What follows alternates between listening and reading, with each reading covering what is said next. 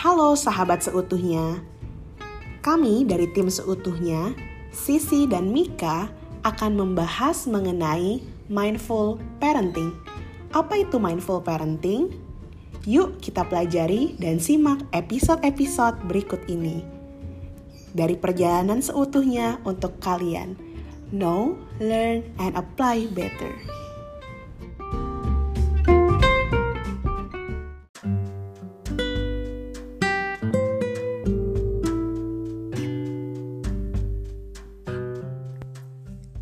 Halo sahabat seutuhnya, selamat datang di podcast perdana dari Perjalanan Seutuhnya bersama saya Sisi dari tim Seutuhnya.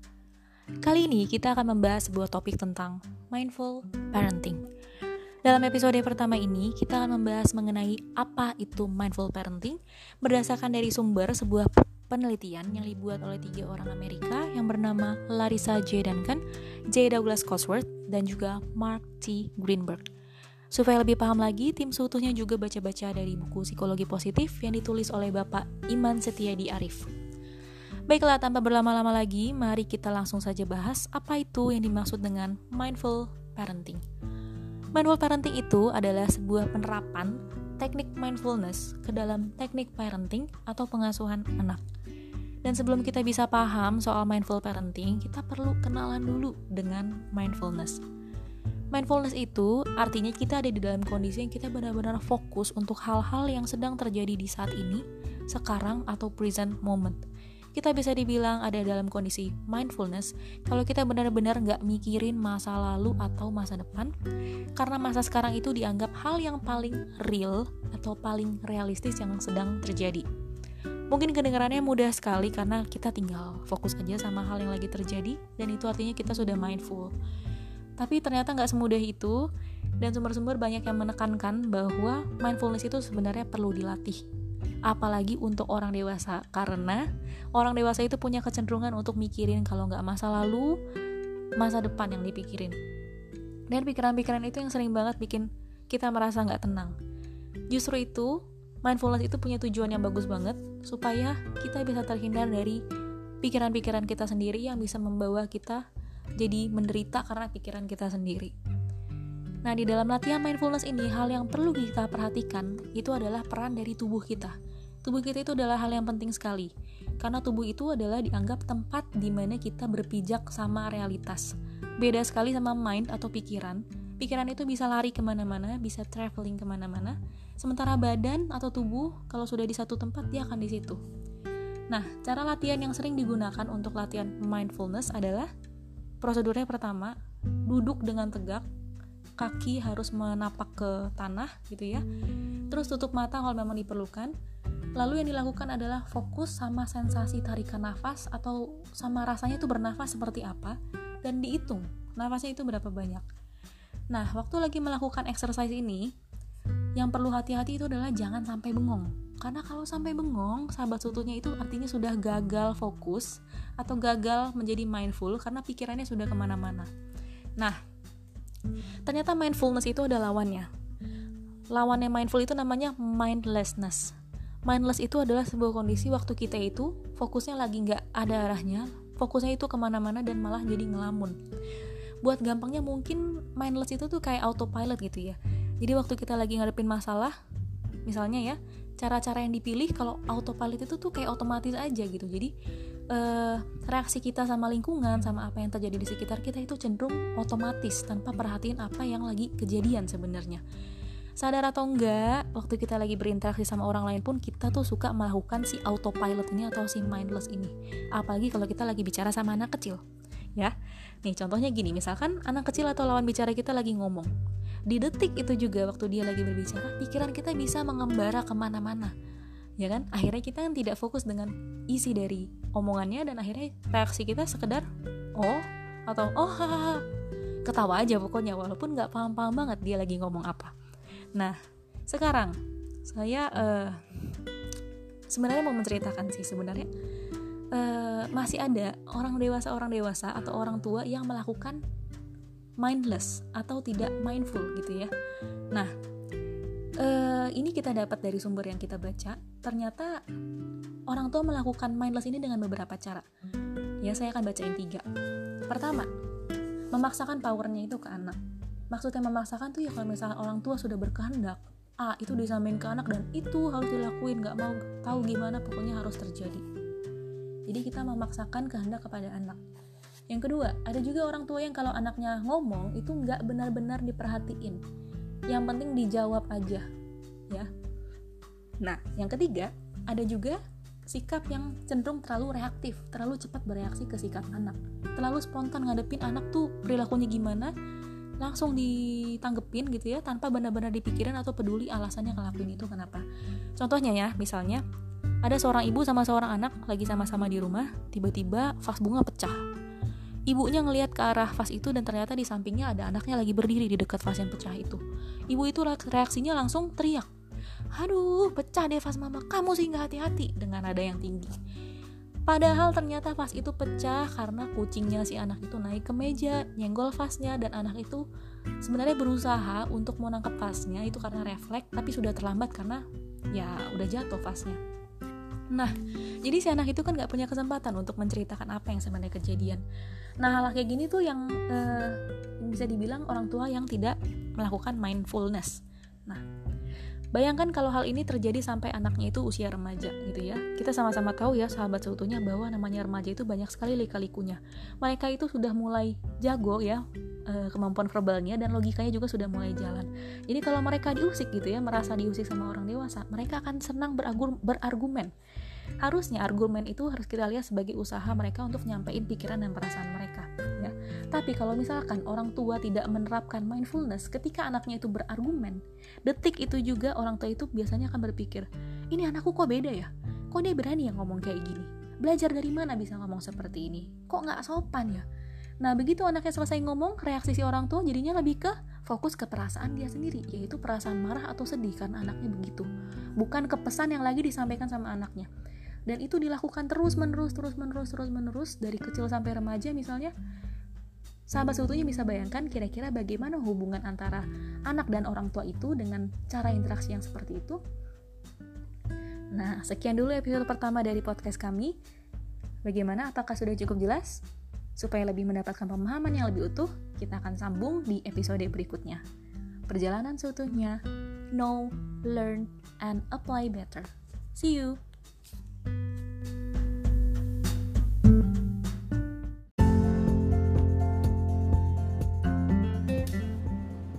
Halo sahabat seutuhnya, bersama saya Mika dari tim Seutuhnya. Dalam episode ini, kita akan membahas mengenai mantra-mantra mindful parenting. Apa aja sih mantra-mantra mindful parenting? Kita punya lima mantra ajaib untuk kamu, orang tua, ataupun pendidik yang mau menerapkan pola asuh mindful parenting. Yuk kita simak lebih jauh. Mantra pertama ialah tentang listening with full attention. Seperti yang sudah kita dengarkan pada episode sebelumnya, berbicara mengenai mindful parenting tidak akan pernah dapat dilepaskan dari mindfulness itu sendiri. Mindfulness selalu berkaitan terhadap clear attention dan awareness of present moment, yaitu perhatian yang jelas dan kesadaran terhadap momen saat ini. Berbicara mengenai listening with full attention, orang tua seharusnya dapat mendengarkan anak secara penuh, memberikan atensinya saat ia mendengarkan anak. Orang tua bisa menerapkan untuk dapat mendengarkan anak dari kata per kata. Ini adalah hal yang sederhana, tetapi jika orang tua dapat melakukan ini, belajar mendengarkan anak, membuka percakapan dengan anak akan melahirkan suatu interaksi yang baik antara orang tua dan anak. Hal ini membuat, membawa keuntungan bagi orang tua maupun anak. Bagi orang tua, interaksi yang baik yang tercipta antara mereka berdua dapat meningkatkan kemampuan orang tua untuk melihat sesuatu bukan hanya dari sudut pandang orang tua saja, tetapi dari sudut pandang anak juga. Dan untuk anak, jika ia merasa didengarkan dan diperhatikan secara penuh, anak akan memiliki rasa aman dan nyaman, dan ia akan merasakan kasih sayang orang tua secara langsung. Rasanya gak perlu anak-anak saja yang senang untuk didengarkan. Kita pun sebagai orang dewasa pasti sangat senang jika didengarkan dan diperhatikan secara penuh. Apakah itu benar? Jika orang tua dapat menerapkan listening with full attention sejak anak-anak masih kecil, orang tua sendiri dapat mengetahui loh, dapat mendeteksi tujuan bahkan keinginan anak. Lewat ekspresi, lewat gaya bahasa, lewat gaya bicara, bahkan lewat suara anak. Jika hal ini terus dilakukan sejak anak-anak kecil, hubungan yang baik antara orang tua dan anak dapat tercipta. Jika adanya hubungan yang baik itu akan memiliki hal yang baik juga ini akan membawa orang tua lebih memahami anak. Pemahaman orang tua terhadap anak akan membuat anak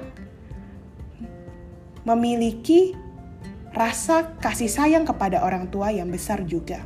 Dan saat anak-anak mulai remaja dan dewasa, orang tua yang memiliki pemahaman yang baik terhadap anak akan memiliki perasaan dan pikiran yang dapat mengurangi adanya perdebatan dan juga konflik. Gimana? Listening with full attention? Sulit, tapi coba deh kita lakukan. Sepertinya menarik. Kita lanjut ke yang berikutnya. Mantra kedua, yaitu non-judgmental acceptance of self and child. Kalau kita menggali mengenai mindful parenting, pada dasarnya manusia itu memiliki pola pikir dan penilaian bawah sadar atau yang sering dikenal dalam dunia psikologi sebagai subconscious judgment. Hal ini mungkin dipengaruhi oleh beberapa faktor. Salah satunya faktor pengalaman yang didapatkan orang tua lewat pola asuh yang diterimanya saat orang tua tersebut menjadi seorang anak.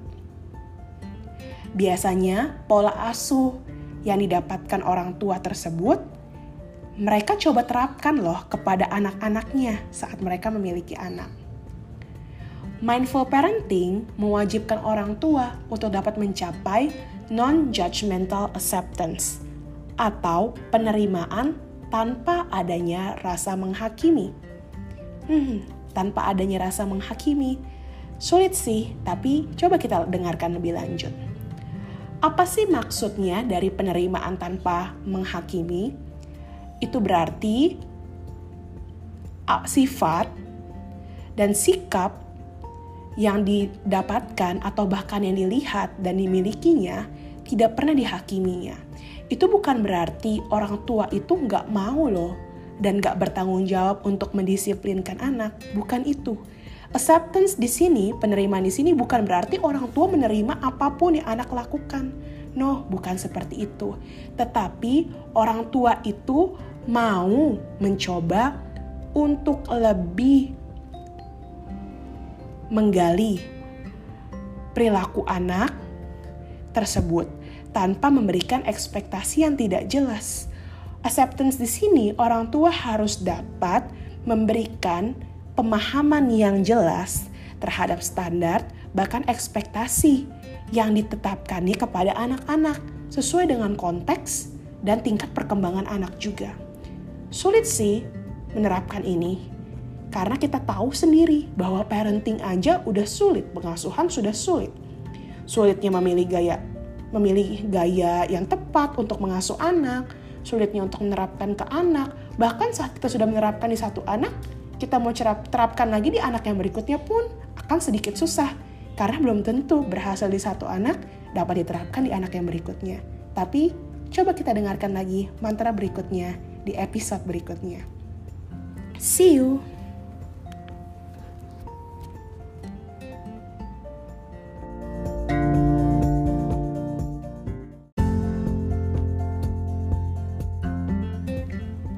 Sahabat seutuhnya, bersama saya Mika dari tim Seutuhnya. Dalam episode ini kita akan membahas mengenai mantra-mantra mindful parenting bagian kedua. Apa aja sih mantra-mantra dari mindful parenting? Yuk kita simak lebih jauh. episode berikut ini. Di episode sebelumnya, kita sudah belajar tentang dua mantra dari mindful parenting. Yang pertama, adanya listening to full attention. Yang kedua, adanya non-judgmental acceptance. Jika orang tua memiliki kemampuan listening to full attention dan non-judgmental acceptance, seharusnya orang tua memiliki kemampuan untuk dapat mengenali diri secara emosi dan juga mengenali emosi-emosi anak. Mantra ketiga ialah tentang emotional awareness of self and child. Emotional awareness menjadi fondasi yang kuat dalam mendukung program mindful parenting. Dikarenakan ini, emosi ini dapat mempengaruhi sikap orang tua kepada anak. Jika orang tua memiliki kemampuan mengenali atau menyadari emosi-emosi yang ada, orang tua akan memiliki pilihan-pilihan secara sadar atau akhirnya kesadaran dalam merespon setiap kejadian yang ada di sekitarnya. Jadi intinya dalam mantra ketiga ini, jika orang tua memiliki kesadaran terhadap emosinya, ia juga dapat sadar terhadap sikap yang dia dapat lakukan dan sadar juga terhadap akibat yang dapat diciptakan lewat emosi dan sikap yang dia lakukan. Di mantra yang keempat, kita akan belajar mengenai self-regulation in the parenting relationship. Pada mantra kali ini, kita fokus kepada self-regulation atau regulasi diri dalam membangun relasi. Mindful parenting dalam mantra ini melibatkan adanya reaktivitas yang rendah terhadap perilaku anak Maksudnya apa sih? Maksudnya, parents itu tidak secara langsung menunjukkan sisi negatif atau kemarahan atau permusuhan dari sikap yang dilakukan oleh anak. Tetapi parents lebih mengambil waktu, pause kejadian terlebih dahulu, telaah sebab dari peristiwa terciptanya peristiwa tersebut, evaluasi diri, dan menentukan sikap untuk dapat menyikapi peristiwa yang terjadi. Jika orang tua merespon langsung terhadap kesalahan anak, mungkin dapat membuat orang tua tidak mawas diri. Orang tua akan tidak bersifat dan bersikap objektif dalam mengambil keputusan terhadap peristiwa yang terjadi. Tetapi bila orang tua meregulasi diri, memberikan pemahaman terlebih dahulu terhadap peristiwa yang terjadi, ini bisa membuat orang tua bersikap lebih objektif. Dan jika hal ini terus rutin dilakukan oleh orang tua terhadap jika anak memiliki kesalahan, orang tua belajar untuk mengevaluasi diri terlebih dahulu, menentukan strategi-strategi yang tepat dalam bersikap, ini akan membuat orang tua dan anak memiliki relasi yang sehat sehingga bisa melahirkan trust yang tercipta terhadap anak untuk orang tua. Jadi anak itu memiliki rasa percaya yang tinggi kepada orang tua karena dia sadar orang tuanya memiliki kemampuan untuk bersikap objektif terhadap segala peristiwa yang terjadi, bahkan terhadap segala perbuatan yang dia lakukan. Apabila trust ini tercipta, anak akan sangat nyaman dan merasakan kasih sayang yang besar dari orang tuanya dalam mindful parenting terhadap mantra ini, anak itu dapat diajari cara untuk mengekspresikan diri, berbicara terhadap perasaan yang dirasakannya, dan ini akan membuat anak tumbuh dan menjadi dewasa serta memiliki regulasi diri yang baik. Mantra kelima ialah tentang compassion for self and child. Dalam hal ini, mindful parenting melibatkan empati kepada diri si anak dan juga diri si orang tua itu sendiri. Compassion di sini memiliki arti keinginan untuk mengurangi penderitaan. Pasti semua orang tua memiliki kasih sayang yang besar kepada anak-anaknya, memiliki keinginan untuk dapat memenuhi setiap kebutuhan anak, memberikan rasa aman, serta mengurangi kesulitan yang dihadapi oleh anak. Jika anak memiliki pola asuh atau diasuh oleh orang tua yang mindful, ia akan memiliki positive affection atau kasih sayang yang positif dan dukungan dari keluarga serta dari orang tua. Self compassion di sini itu selalu berhubungan dengan humanity. parents itu nggak tiba-tiba keras atau mengur tidak keras terhadap anak, mau lebih memaafkan dan menghindari keinginan untuk menyalahkan diri sendiri ketika tujuan pengasuhan itu tidak tercapai ataupun mengurangi adanya evaluasi sosial yang dilakukan oleh masyarakat di sekitar, oleh teman-teman, dari orang tua itu sendiri. Karena terkadang mungkin goal dari parenting kita tuh tidak tercapai atau sikap yang dilakukan oleh anak-anak kita itu tidak sesuai dengan ekspektasi masyarakat. Nah, terkadang ada rasa ingin menyalahkan diri sendiri. Nah, ini bukan bukan dari maksud dari mantra yang kelima ini. Mantra yang kelima itu memang evaluasi itu sebenarnya sangat penting dalam proses pengembangan parenting itu sendiri. Melihat jika orang tua dapat mengevaluasi diri sendiri, ini dapat memberikan rasa efektivitas yang tinggi dan hubungan yang baik antara orang tua dan anak. Jika parents merasa hubungan yang baik dan memiliki rasa lebih kompeten dalam mengasuh anak, ini juga akan menghasilkan outcomes yang baik daripada sebelumnya. Jadi, mindful parenting itu merupakan suatu pendekatan yang baik, suatu gaya pengasuhan yang baik yang bisa diterapkan oleh orang tua kepada anak-anak. Bukan hanya cara penerapannya saja atau gak tentang gaya pengasuhannya saja tidak, tetapi lebih, ber, lebih lebih berfokus kepada bagaimana cara kita mengubah diri menjadi seorang dewasa, menjadi orang tua yang lebih baik lagi, terus belajar lagi hingga kita bisa mencapai tujuan-tujuan dari parenting yang lebih baik lagi. Walaupun sulit, pasti selalu ada cara jika ada ada niat yang ingin niat yang tumbuh dalam diri kita untuk melakukan hal tersebut. Terima kasih sahabat seutuhnya sudah mendengarkan podcast kami. Semoga apa yang kami sampaikan dapat bermanfaat ya. Sampai ketemu lagi di pembahasan berikutnya, hanya di perjalanan seutuhnya. Know, learn, and apply better. See you.